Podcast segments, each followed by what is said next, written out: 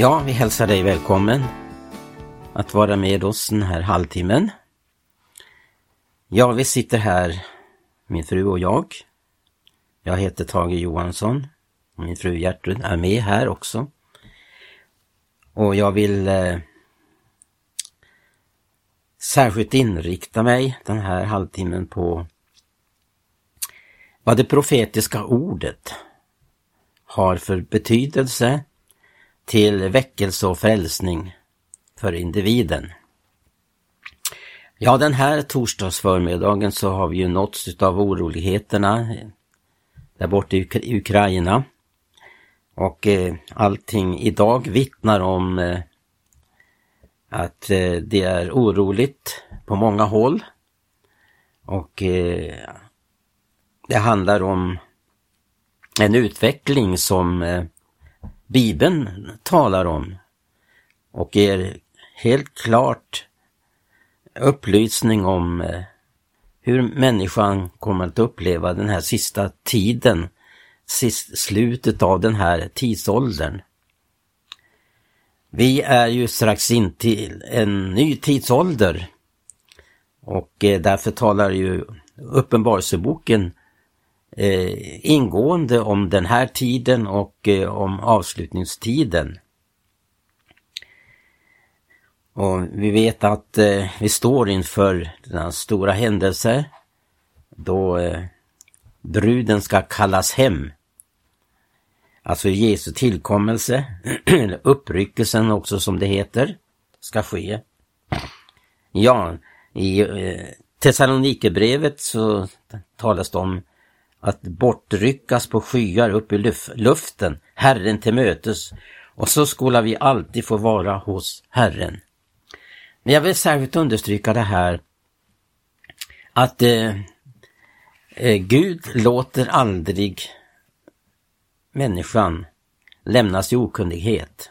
Dels om hans frälsning, dels om också eh, konsekvenserna av eh, människans synd.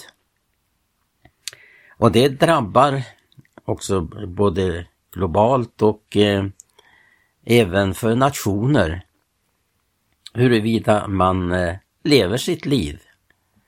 Och det finns ju då andliga lagar.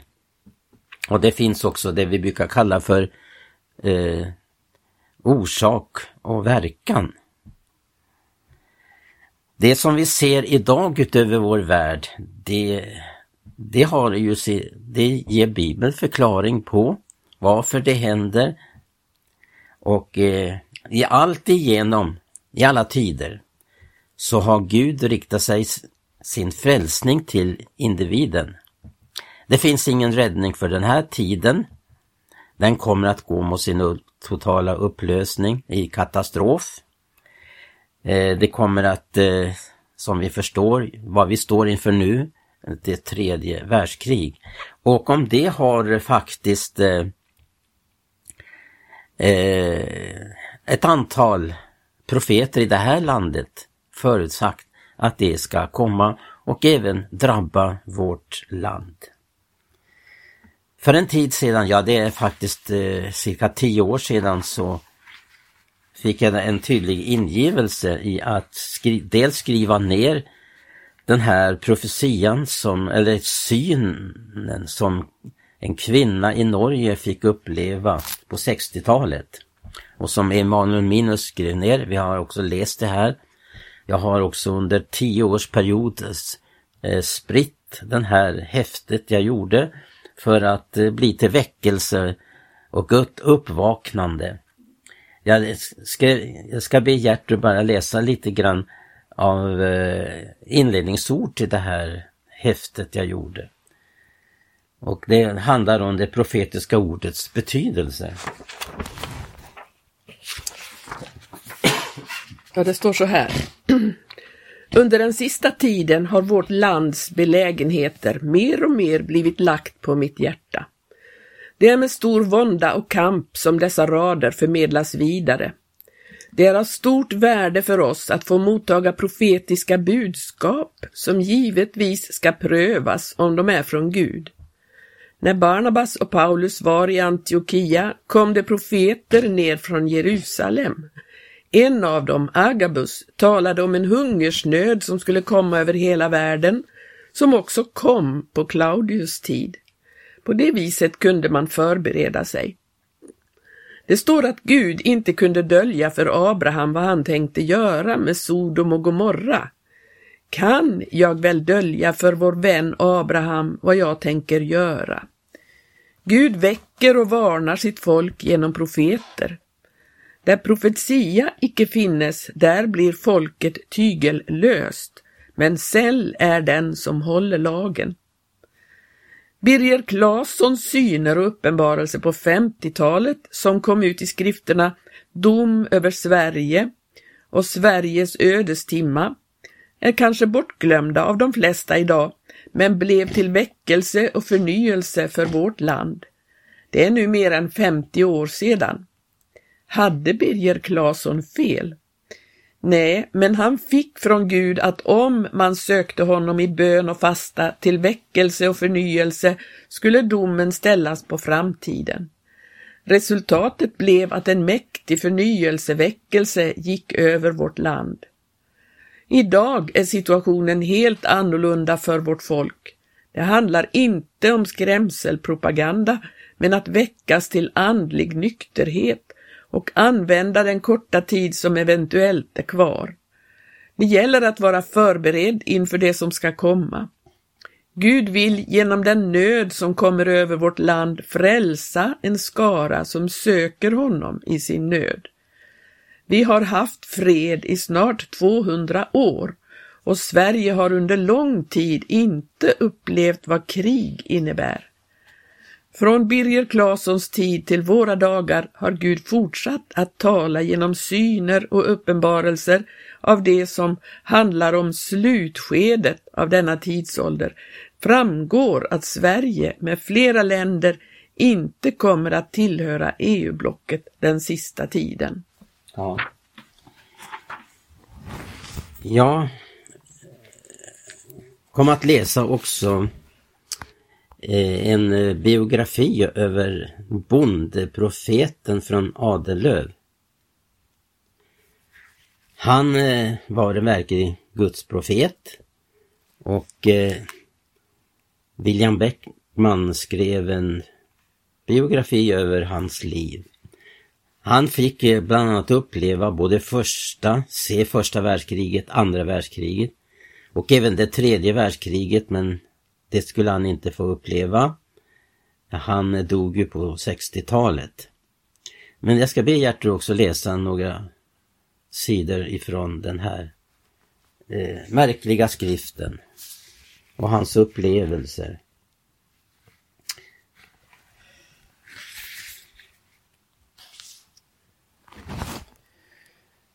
Ja, Karl Johan levde och vandrade i anden. Varje dag var för honom en gudsuppenbarelse och han var mycket rädd för att något skulle få störa denna fulla gemenskap. Han lyssnade till vad anden hade att säga, både honom själv eller beträffande församlingen och andra människor. Men det var inte endast ting som rörde den inre kretsen som Gud anförtrodde honom. Gång på gång inregistrerade hans själs radar sådant som var dolt för samtiden men som skulle ske i framtiden. Vi har redan berättat hur han 1909 i en syn fick se hur det första världskriget kom och han fick genom budskap i anden uppenbarelse om vad synen innebar.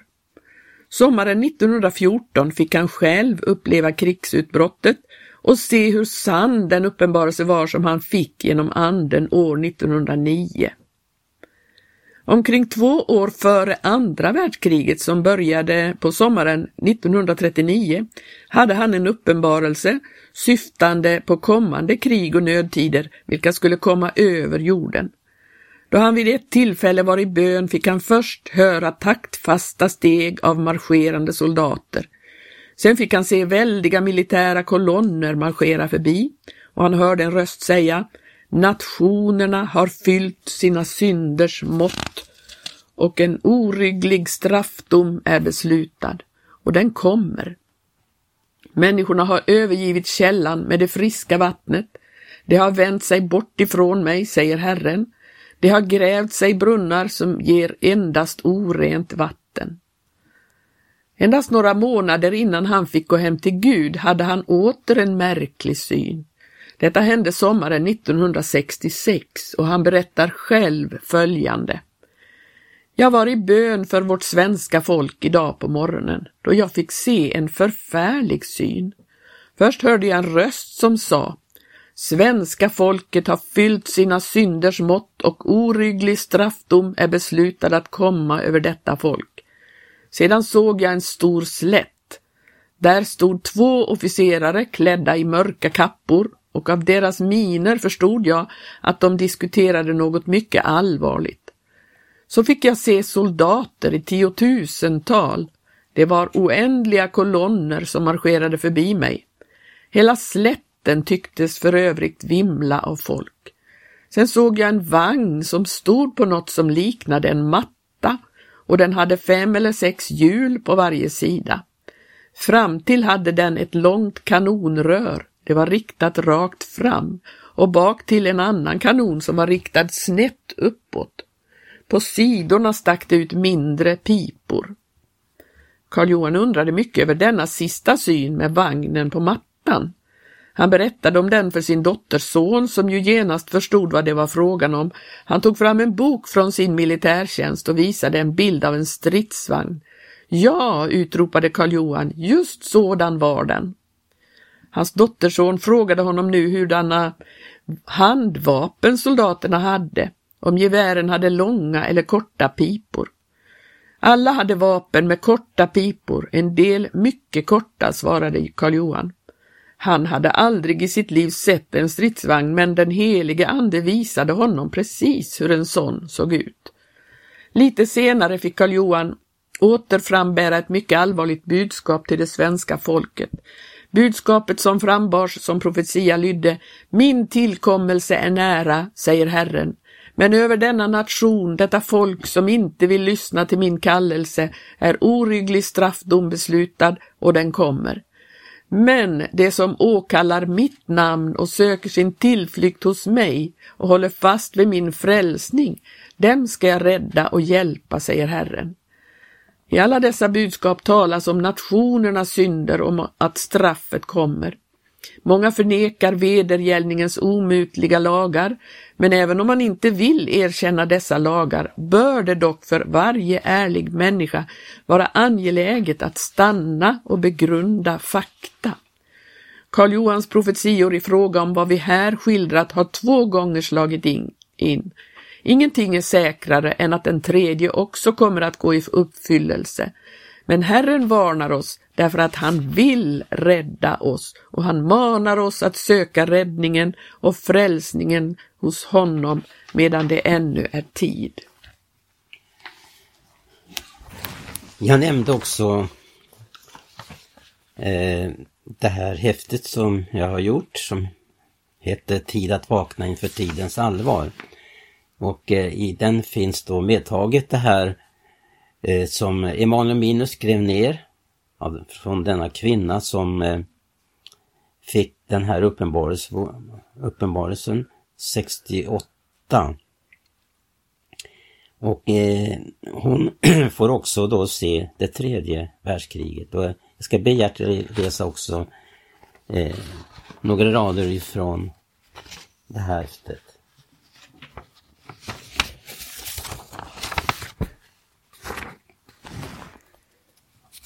Invandring och det tredje världskriget. Människor från fattiga länder strömmar till Europa, också till Skandinavien, också till Norge. Det blir så pass många att folk börjar tycka illa om dem och blir hårda mot dem. Och de blir behandlade mer och mer som judarna före kriget. Då är måttet för våra synder fullt. Då plötsligt kommer Jesus igen och tredje världskriget bryter lös. Det blir ett stort krig. Allt vad jag har upplevat av krig förut är bara lek i jämförelse med detta. Och det kommer att avslutas med atombomber och med atomkrig. Luften kommer att bli förorenad helt och hållet så att det inte går att andas över hela denna kontinent. över Amerika, Japan och Australien och de rika länderna på grund av atomkriget. Vattnet kommer att bli förstört och jorden så att den inte kan odlas mer. Resultatet blir att bara en spillra blir kvar efter det kriget och spillran i de rika länderna ska försöka fly till de fattiga länderna, men de blir lika eh, hårda mot oss som vi har varit mot dem när tiden är inne. Jag är så glad att jag inte får uppleva det, men när detta närmar sig, ta mod till dig, Minos, och läs upp det och säg det, för det är Herren som har låtit mig se det. Ja, det är så här att eh, det profetiska ordet den avslöjar och uppenbarar saker eh, i dess rätta natur och eh, undanhåller ingenting utan det blir allting sanningsenligt. Och vi kan fråga oss varför vi ska syssla med de här tingen. Ja, det är ju inte det här som är det centrala för oss men Eh, vi förstår betydelsen utav det profetiska ordet för att eh, vi ska hålla oss vakna.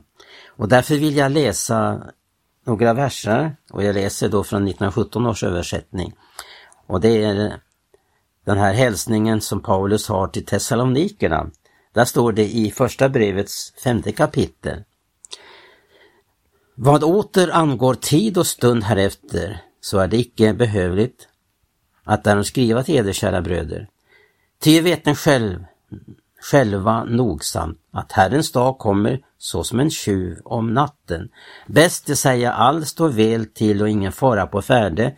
Då kommer plötsligt fördärv över dem såsom födslovåndan över en havande kvinna och det skulle förvisso inte kunna fly undan.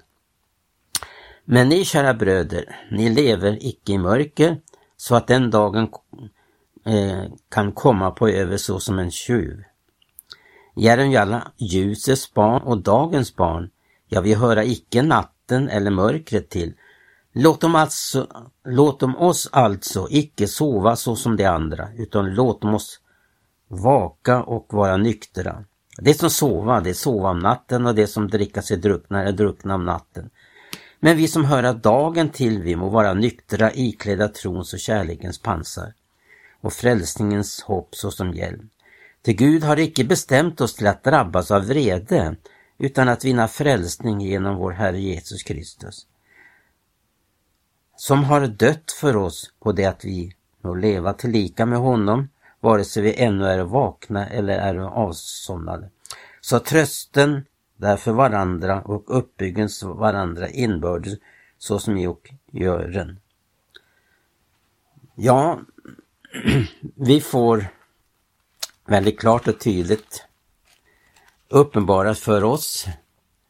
Eh, dels det gäller tidsläget, dels för var och en av oss att eh, vi eh, är förberedda för denna underbara händelser då uppryckandet sker. Ja, det finns ju också mycket allvarliga ord om just detta att vara redo inför hans tillkommelse.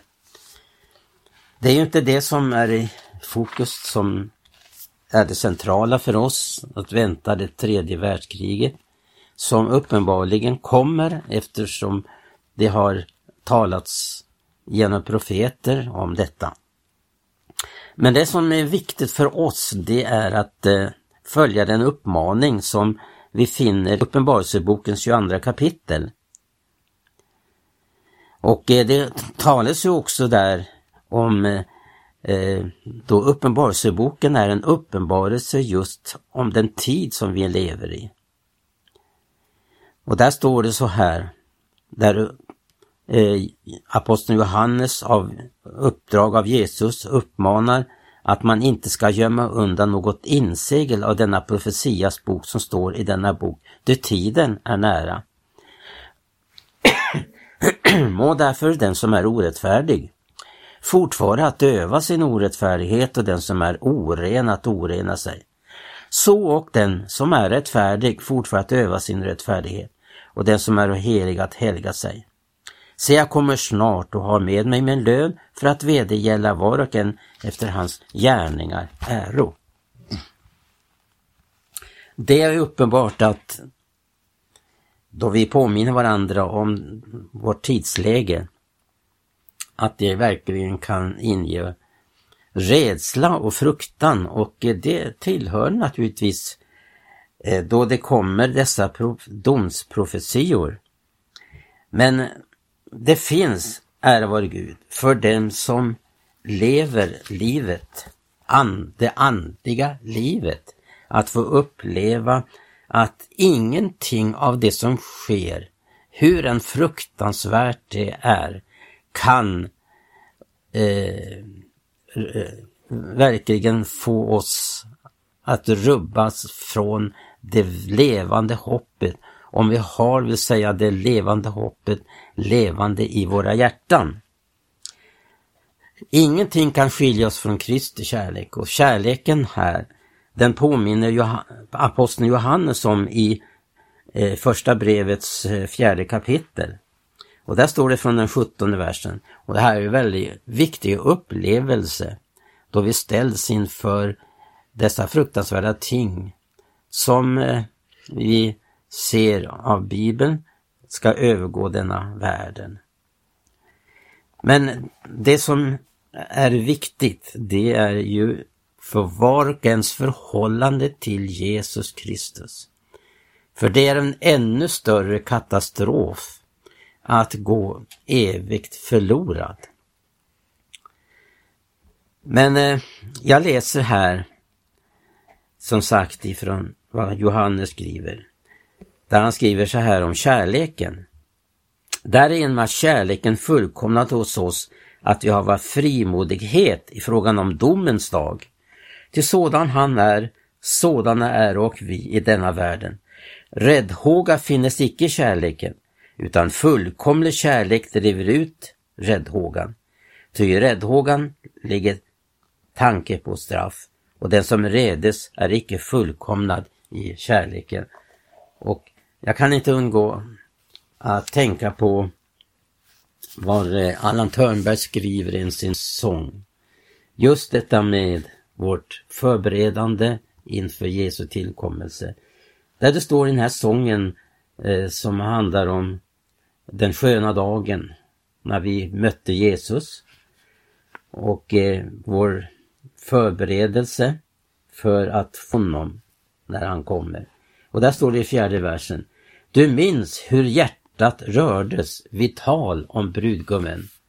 När andens budskap hördes, han kommer snart igen. Du ville allt försaka, bedja, vänta, vaka. Men min vän, säg hur är det idag? Är du vaken och redo idag? Är du vaken och redo idag? Du ville allt försaka och bedja, vänta, vaka. Men min vän, säg hur är det idag? Och det är den stora frågan. Och det vill jag föra vidare här i det här närradioprogrammet om hur är det idag min vän? Lever du i den första kärleken? Väntar du din brudgum? Är du vakande och bedjande? Må vi alla få mötas när han kommer. Gud välsigna dig som har varit med och lyssnat.